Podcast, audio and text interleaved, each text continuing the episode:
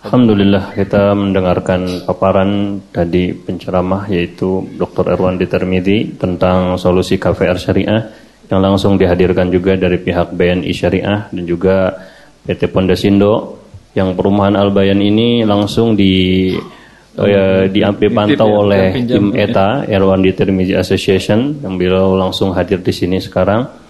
Kita langsung saja masuk ke sesi tanya jawab. Sesi tanya jawab ini untuk ikhwan tiga orang. Kemudian setelah itu akhwat untuk akhwat dituliskan. Nah, sekarang yang bapak-bapak yang ini ada yang di sebelah sana, ada yang di sebelah sana. Nah, nanti kita tunjuk satu-satu. Ya silahkan mendekati silahkan Pak. Ya sebelah sana. Yang di sebelah sana satu bergantian kanan dan kiri. Setelah itu baru kalau ada dari akhwat kita tunggu pertanyaan dari sana. Assalamualaikum warahmatullahi wabarakatuh. Assalamualaikum warahmatullahi wabarakatuh. Uh, Ustadz, uh, saya ingin bertanya mengenai uh, kejelasan. Setahu saya uh, bank hanya lembaga keuangan, tapi tadi disebutkan bahwasanya bank membeli dulu ke pihak developer. developer. Nah pertanyaannya yang pertama, apakah benar terjadi pembelian antara bank dan developer? Apakah boleh bank membeli me, apa? Bank belanja boleh bank atau tidak? belanja, ya. Setahu hmm. saya bank itu hanya Setahu anda bank lembaga, boleh belanja. Lembaga keuangan tidak bisa melakukan transaksi real. Dia hanya boleh pinjaman kredit ya. dan ada pertambahan. Ya, gitu. yang kedua, eh, ketika terjadi transaksi eh, antara developer bank dan konsumen, di manakah letak sertifikatnya? Apakah di bank atau di developer atau di mana? Antara bank dengan developer belanja beli bank beli ke developer gitu kan? Ya, ada yang kredit misalkan uh, uh, konsumen beli kredit 15 tahun misalkan ke ke bank ke bank. Bank BNI Syariah misalkan. Sertifikat di mana? Sertifikatnya disimpan di mana? Ah, Maunya ya. Anda di mana? Di rumah sendiri? Hah? Ya demikian. Assalamualaikum warahmatullahi wabarakatuh. Assalamualaikum. Silakan. Bawah, bawah. Pencetnya agak lambat.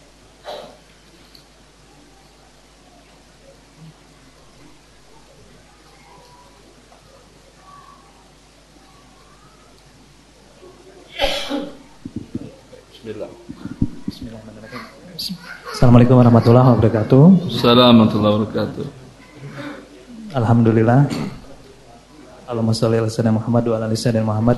Uh, saya mencoba untuk menjawab dari pertanyaan dari uh, mohon maaf uh, Pak Pak Aulia. Pak Aulia.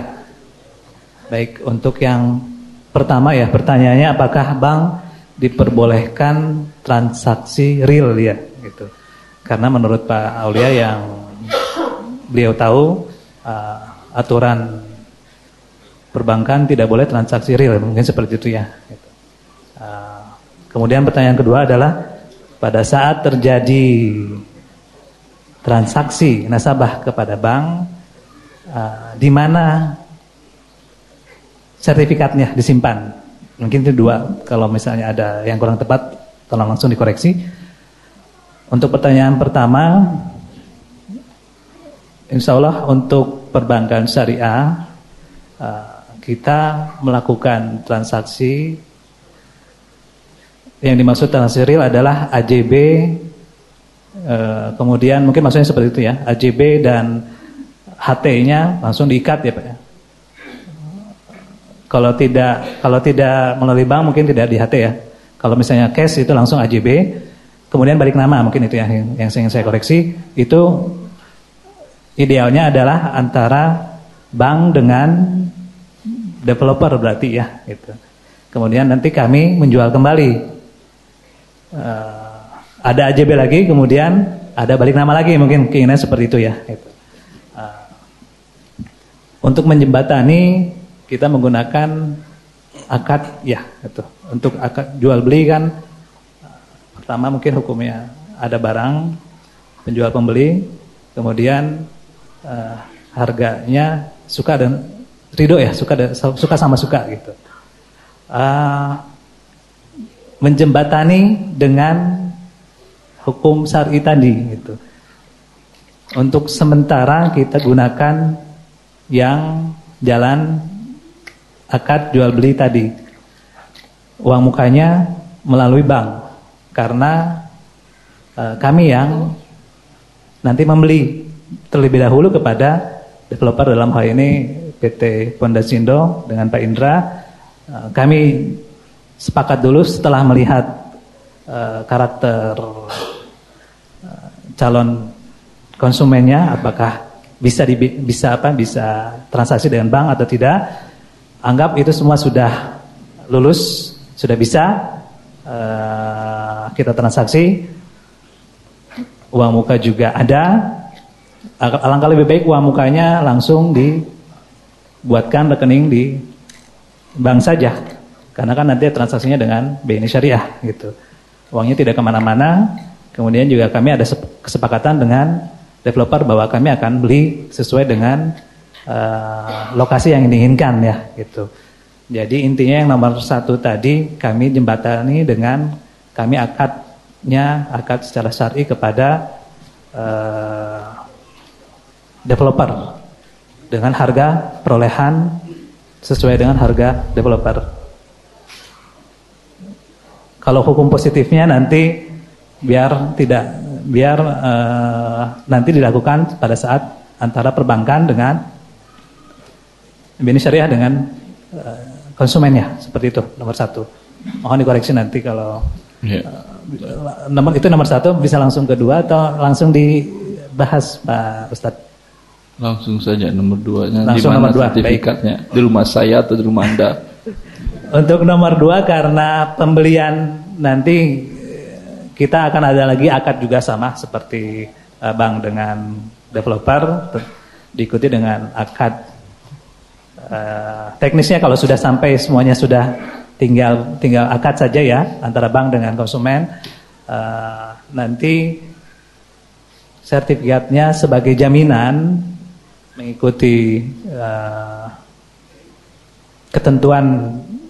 Dalam hal ini kita sampai saat ini masih harus ikut ketentuan uh, pemerintah untuk di hak tanggungan, diikat hak tanggungan, maka dititipkan di BNI Syariah hanya sudah dibalik nama atas nama konsumen gitu.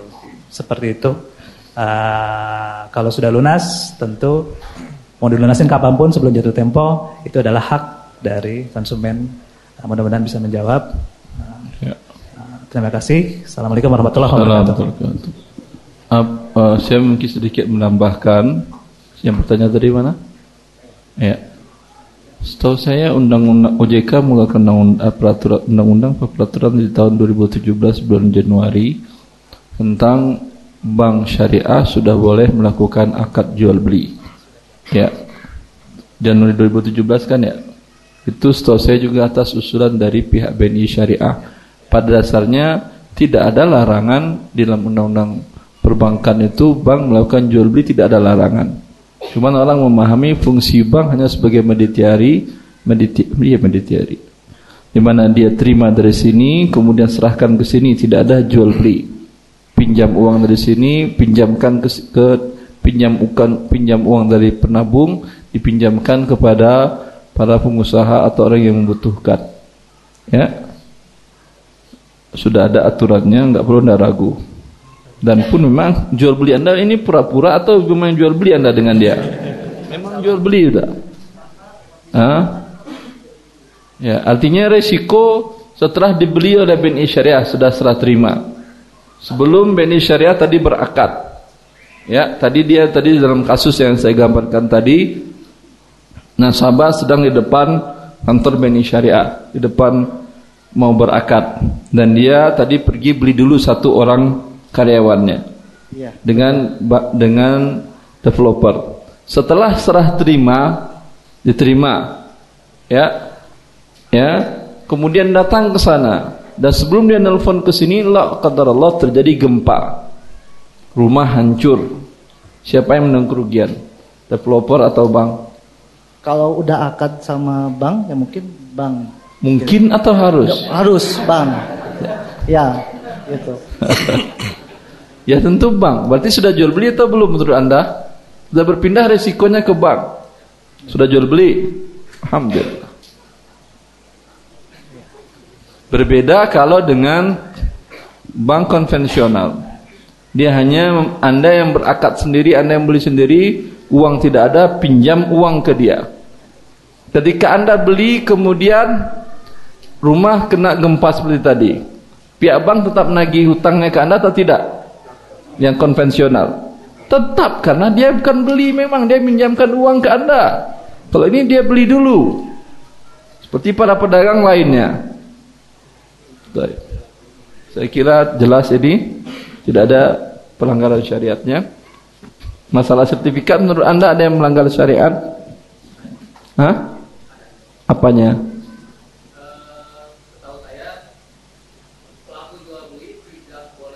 Pakai mic, pakai mic. Di sana dulu tuh. Uh, setahu saya Pak, eh Ustadz, pelaku jual beli tidak boleh saling menahan objek yang menjadi jual beli. Yang ditahannya rumah atau sertifikat? Sertifikat. Anda jual beli sertifikat atau jual beli rumah? Jual beli rumah. Hah, rumah tetap dipakai oleh pemilik atau tidak? Tetap. Hah? Terus mana yang ditahan oleh bank? Sertifikat, bukti kepemilikan. Astagfirullah. Kalau saya bilang saya jual ini ke Anda, hmm? saya bilang, tapi karena Anda tunai ini nggak bisa dulu Anda pakai. Saya bawa dulu. Ya. Ah, ini ia hutang dengan hutang. Anda bayarnya nanti, barang setelah terimanya nanti. Ya. Tapi ini pakai dulu oleh Anda. Hmm. Ah, kemudian sertifikatnya ada atau bukti originalnya Anda ambil agar Anda nggak bisa jual dulu sebagai jaminan. Ya. Ya. Ini sudah serah terima atau belum barangnya? Barangnya sudah, tapi secara apa? Secara resminya belum. Ini kan di sertifikat nama Anda atau nama bank? Nama nama konsumen. Ya udah. Berarti itu milik Anda atau milik bank? Milik konsumen. Ya udah. Kalau ini harganya naik, yang dapat untung Anda atau bank? Konsumen. Ah, milik Anda berarti sudah kan? Ya. Kalau umpamanya hancur, lakadarullah terjadi gempa, likuifaksi ke dalam, yang rugi Anda atau bank? Konsumen, Konsumen juga udah. Lalu apa yang ditahan oleh bank? Kan hanya suratnya doang. Ya. Paham? Paham. Sudah? Ya. Berarti masih masalah secara syariat? Kalau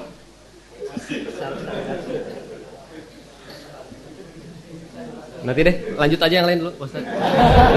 enggak apa-apa, soalnya apa -apa. saya soalnya saya tahunya juga dari Ustaz, dari Ustaz dengan Sa Ustaz, yang mana saya? Ya. Saya bilang dulu apa? Hmm. Untuk tahunya dari saya kayak seperti itu tidak boleh. Iya. Iya. Lupa kalian tuh. Mungkin iya Ustaz, saya lupa. Allah barik. Enggak maksud saya biar antum tenang, enggak ada lagi ganjalan. Alhamdulillah clear. Ya, silakan pertanyaan kedua. Assalamualaikum warahmatullahi wabarakatuh. Assalamualaikum warahmatullahi wabarakatuh. Ustaz, uh... Dan saya mohon maaf, saya bukan Dewan Syariah di BNI Syariah dan juga bukan pemilik, tidak ada hubungan saya dengan apa tadi namanya Pak Indra. Kecuali beliau minta konsul dengan tim saya, konsul sesuai syariah atau tidak. Jadi saya tidak ada kepentingan ini iklan saya tidak. Anda jadi nggak jadi saya nggak akan rugi. Tapi Anda bertanya ke syariat saya bantu saya dapat pahala dari Allah cukup bagi saya. Betul kan Pak Fitrianov ya? Saya nggak ada hubungan kan dengan syariah? Nggak ada hubungan. Baik. Silahkan. Ya. Ustaz, uh, saya mau menanyakan dari sudut pandang pelaku penjual rumah. Karena kebetulan pelaku apa? Pelaku penjual rumahnya, Ustaz. Maksud pelaku Jadi, penjual rumahnya apa? katakanlah saya ini sebagai penjual rumahnya gitu, Ustaz. Pemilik rumah. Iya. Developer. Iya, sebagai developer. Ah, ada developer. Terus. Nah, uh, yang mau ditanyakan itu Ustaz karena uh, kekhawatiran yang uh, terjadi itu rata-rata dari konsep keamanan keamanannya Ustaz. Maksudnya? Semisal konsumen yang memang sudah terjadi akad apabila tidak mampu membayar nantinya akan seperti apa. Di konsep keamanan itu pemaparannya ini yang uh, saya pribadi dan juga teman-teman saya masih belum pahami Ustadz sebagai pelaku penjual rumah gitu Ustadz. Pelaku penjual rumah? Ya developernya itu Ustadz. Develop, ini developer. Anda menanyakan ini kasus ini atau kasus umum maksudnya? Kasus rumah khususnya. Memang Bukan kasus rumah. yang sekarang dihadapin kan ya? Oh kalau untuk uh, dengan berhubungan dengan BNI dengan uh, perumahan Albayan tidak Ustaz? Tidak secara umum. Ya secara umum. Anda punya rumah. Ya, saya Terus, punya uh, perumahan. Anda ingin jual. Uh, saya pengen jual tapi Terus, dengan konsep syariah. Syariah. Dan kebetulan memang tidak uh, pakai lembaga keuangan. Tidak pakai lembaga keuangan. Ter, dari awal Anda tidak apa namanya uh, cek orangnya layak atau tidak berkening rekorannya segala macam. Ternyata dia berbohong umpamanya. Ya, katakanlah seperti itu. Terus bagaimana safety-nya Anda? Iya, dari segi keamanannya kita secara konsepnya itu belum paham Ustaz. Baik. Uh, uh, bisa bantuan Ustaz. Ya. Insya Allah. Assalamualaikum warahmatullahi wabarakatuh. Salam wabarakatuh. Ada kalau ini kasusnya lain tanpa lembaga keuangan mungkin yang beliau tanyakan. Kalau dengan lembaga keuangan itu lembaga keuangan yang menyiapkan safety-nya tadi. Kalau dengan pribadi langsung ada salah seorang pejabat di Kementerian Keuangan. Beliau sudah bertobat alhamdulillah. Beliau ingin pergi pindah ke daerah lain ini ngaji di suatu kota di Pulau Jawa ini juga.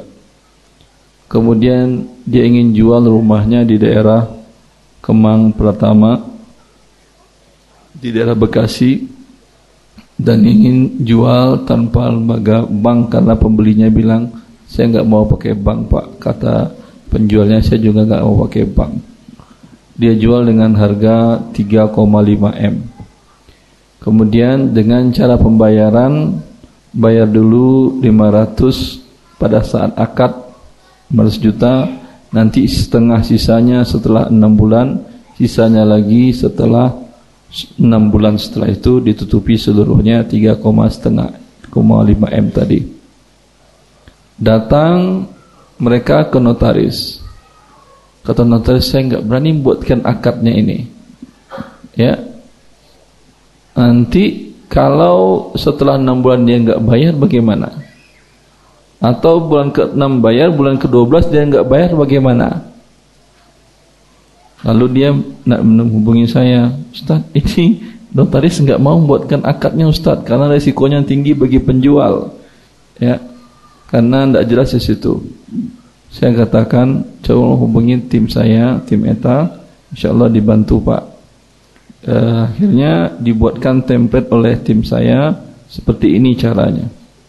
Ya, saya beri bocorkan dan siakan, Anda catat dengan baik.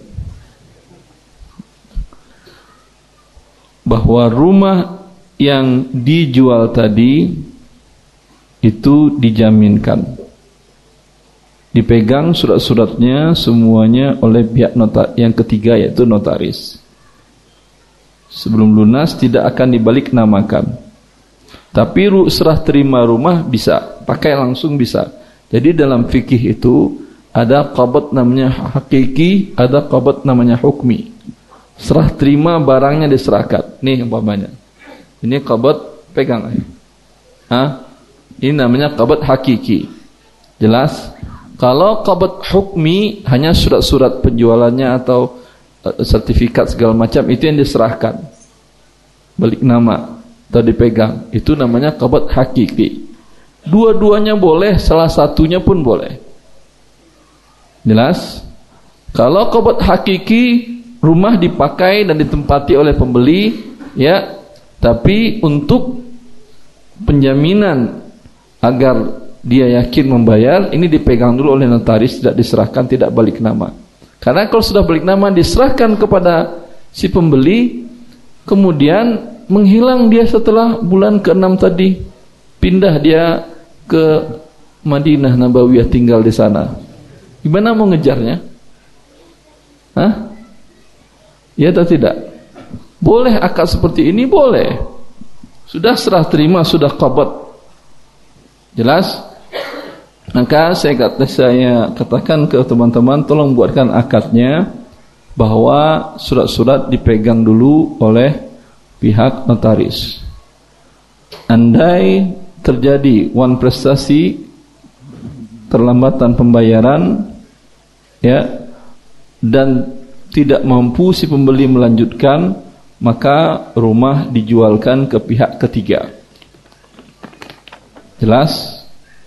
Pen, berarti sekarang ada pembeli kemudian ada penjual pihak pertama. Penjual pertama. Ada pembeli pertama. Ada nanti lagi pembeli kedua kalau andai tidak karena tidak mampu membayar atau wan prestasi. Dijualkan ke pembeli kedua, penjual pertama hanya mengambil sisa haknya dia. Tadi sudah dibayar dia 500 juta, tinggal 3,5 M lagi. Jelas. Dijual properti kan biasanya naik. Terjual umpamanya dengan harga 4 M. Berapa sisa hak penjual pertama? Tetap 3 miliar. Jelas. Dan bila terjadi sebaliknya, turun harga rumah. Terjual cuma 3,1 M. Berapa hak daripada penjual pertama? Tetap 3 miliar. Bagi pembeli tadi cuma dapat 100 juta. Kalau terjual kurang dari itu 2,9 M. Berarti diambil semuanya oleh penjual pertama dan masih ada kewajiban pembeli pertama untuk mengembalikan 100 juta. Tidak dibayarnya di dunia, di akhirat pasti dibayarnya. Jelas? Begitu cara safety. Baru notaris mau membuatkan akadnya.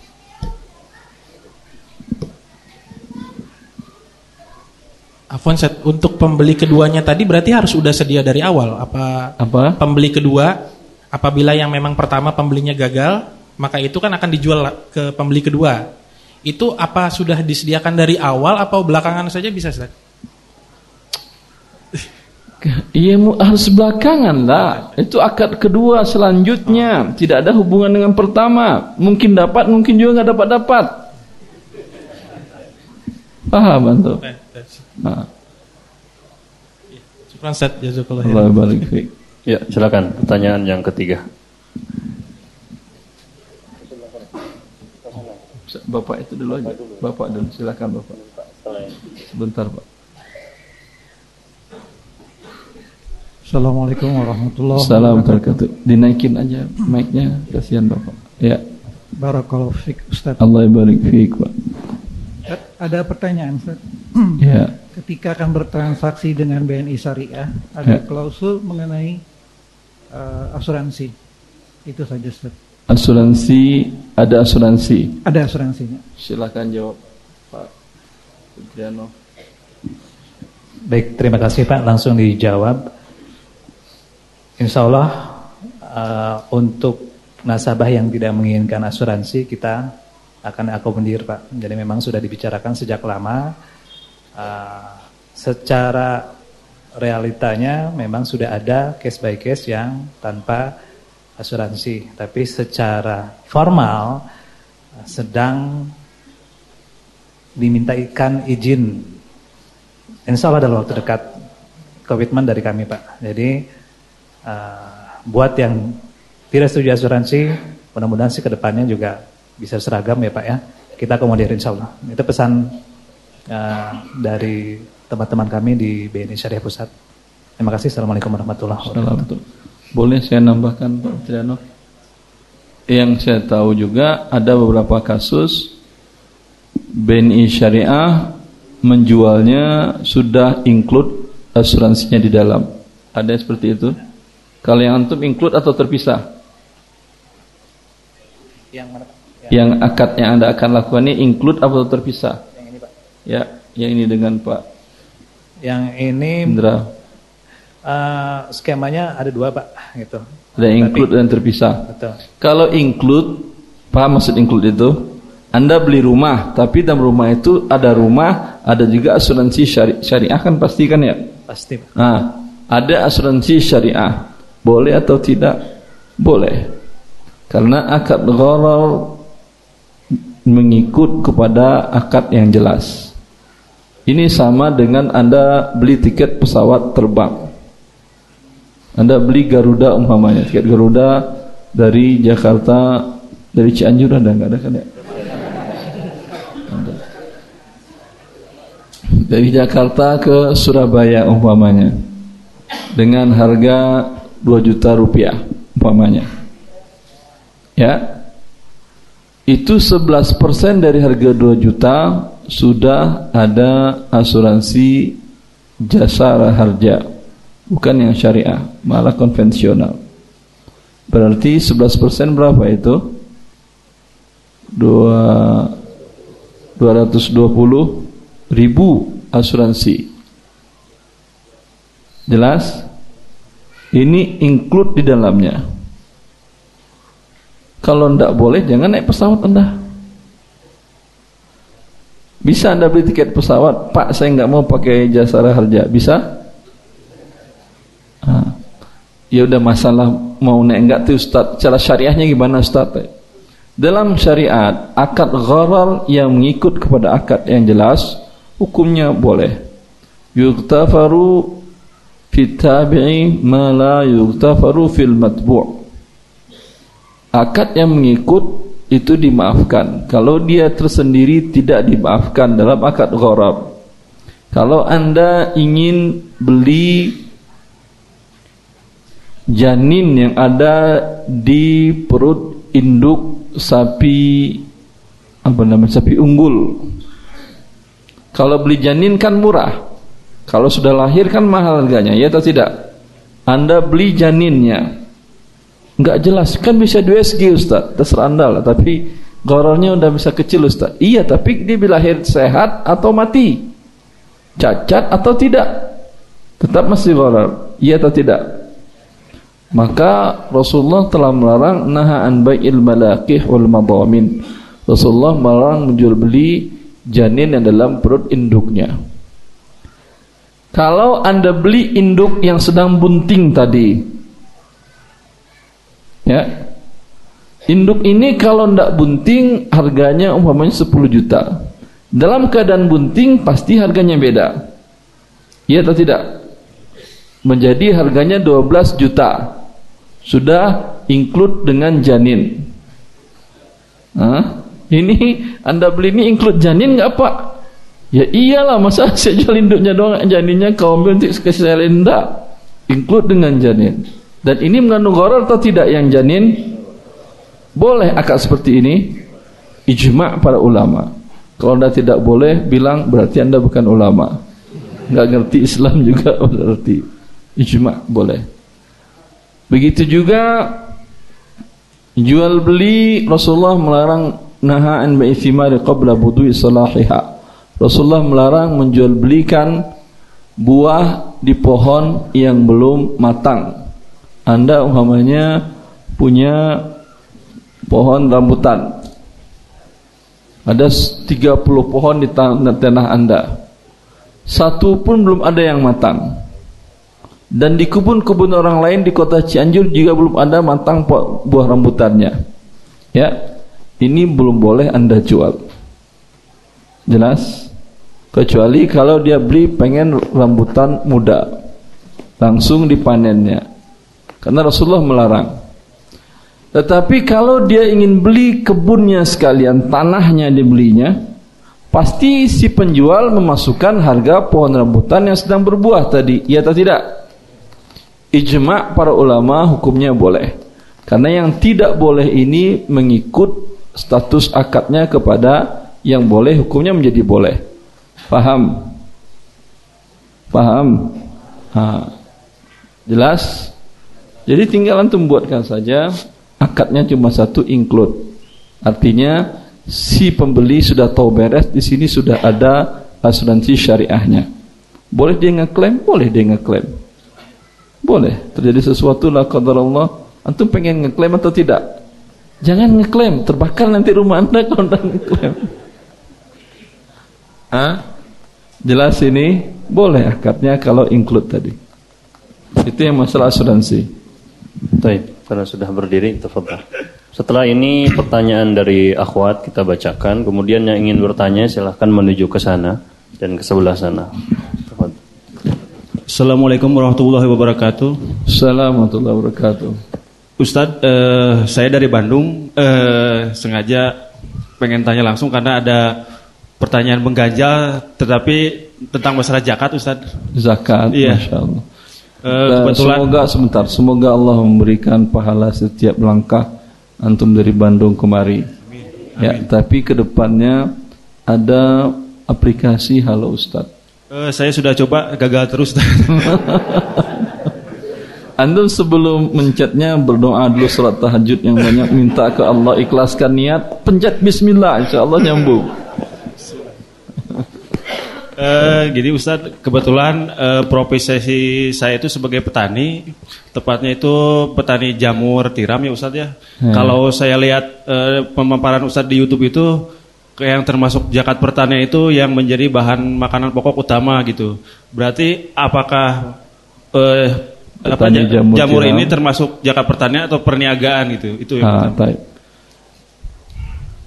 Yang dimaksud dengan makanan pokok bila orang makan itu tanpa makan yang lain dia bisa bertahan hidup. Orang hanya makan itu yang dikatakan oleh para ulama al-iqtiyat. Orang hanya makan beras saja tanpa makan yang lain bisa bertahan hidup. Bagaimana kalau dia makan jamur aja tanpa makan yang lain bisa bertahan hidup? Hah? Bisa Ustadz, bisa. Bisa. Eh. Dia nggak makan nasi, nggak makan, Oh, nggak pakai garam, nggak pakai sayur, nggak pakai sambal, nggak pakai ikan teri, nggak pakai telur, hanya jamur dimakan dari Waduh. pagi sampai sore sampai malam Waduh. sampai besok. Berapa Ya. hari dia bertahan hidup kira-kira? mungkin gak akan lama kali Ustadz. Saya nggak tahu. Berarti dia bukan makanan pokok. Iya. Maka tidak ada zakat pertaniannya. Yang ada ini menurut jumhur ulama ya, kalau Hanafiyah iya. Kullu ma yanbutuhul ard, setiap yang tumbuh di bumi menurut beliau iya. Sampai pun toge pun ada zakatnya. Kalau menurut Hanafiyah, kalau menurut jumhur tidak. Tetapi jamur ini untuk konsumsi pribadi atau untuk dijual? Diperjualbelikan Ustadz. Berarti zakatnya zakat perniagaan. Iya. Hitungnya bukan ketika panen tapi ketika tahunan. tahunan. Eh, kemudian Mulai usaha awal berapa modal yang untuk jamur ini? itu dihitungnya dari modal atau laba atau dua-duanya Ustaz? Modal awalnya, awal mulai. Awal mulai. Eh, kemudian Awal mulai berapa? apanya?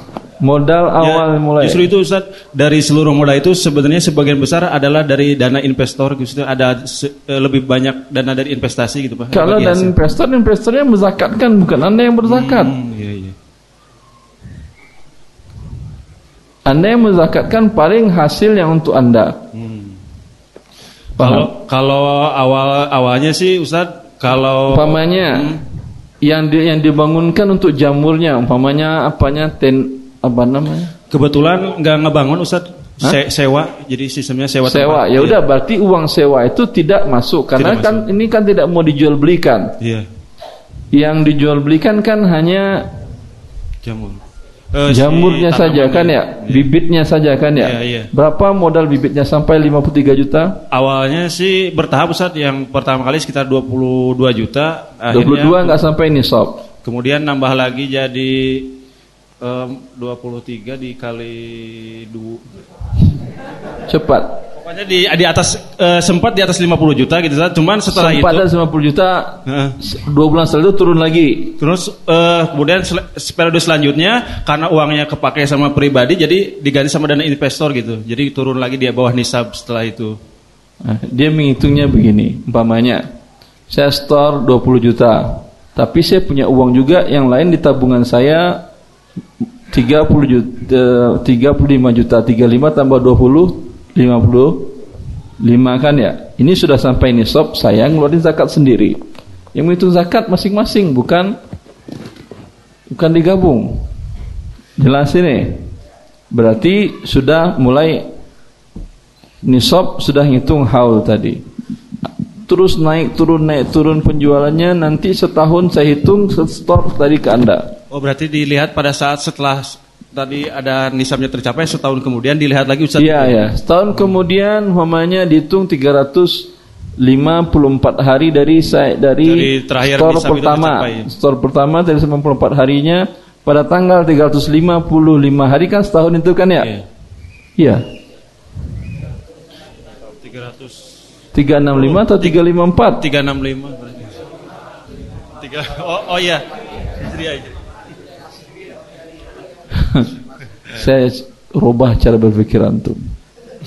Allah mengatakan Inna iddata syuhuri indallah isna asyara syahran fi kitabillah Yawma khalaqas samawati wal ard Pada hari Allah menciptakan langit dan bumi Bulan itu ada 12 Dan hari itu kata Rasulullah SAW Sebulan itu kata Rasulullah Asyahru hakadha wa hakadha wa hakadha Berapa berarti? Kemudian beliau mengatakan asyahru hakadha wa hakadha wa hakadha Berapa?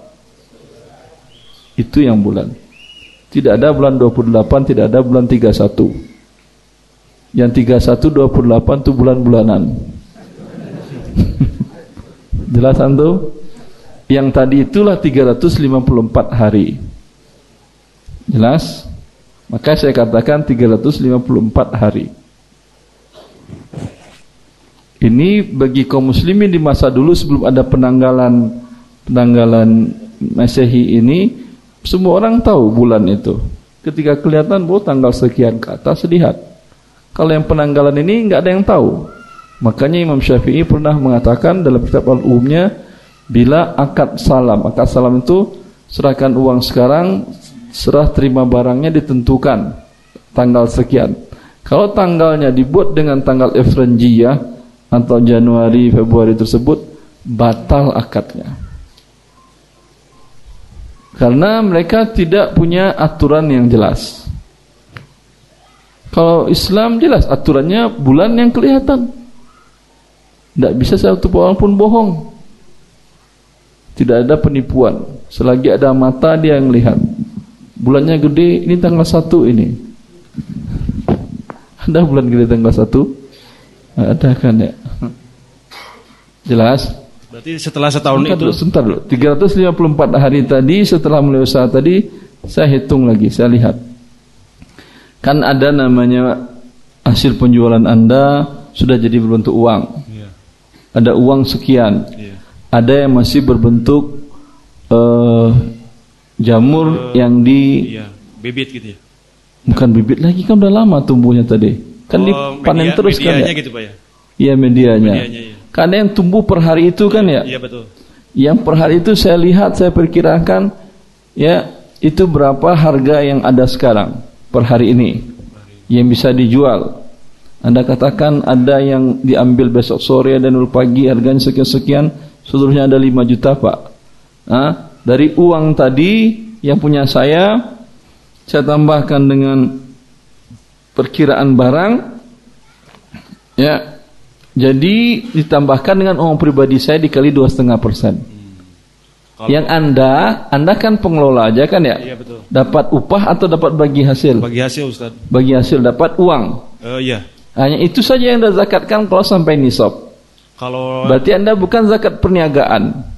Tapi yang Anda ya, zakat uang karena niaga bukan barang anda ini barang orang. tapi ada juga yang punya saya sendiri juga gitu Ustaz. Dari modal sendiri juga.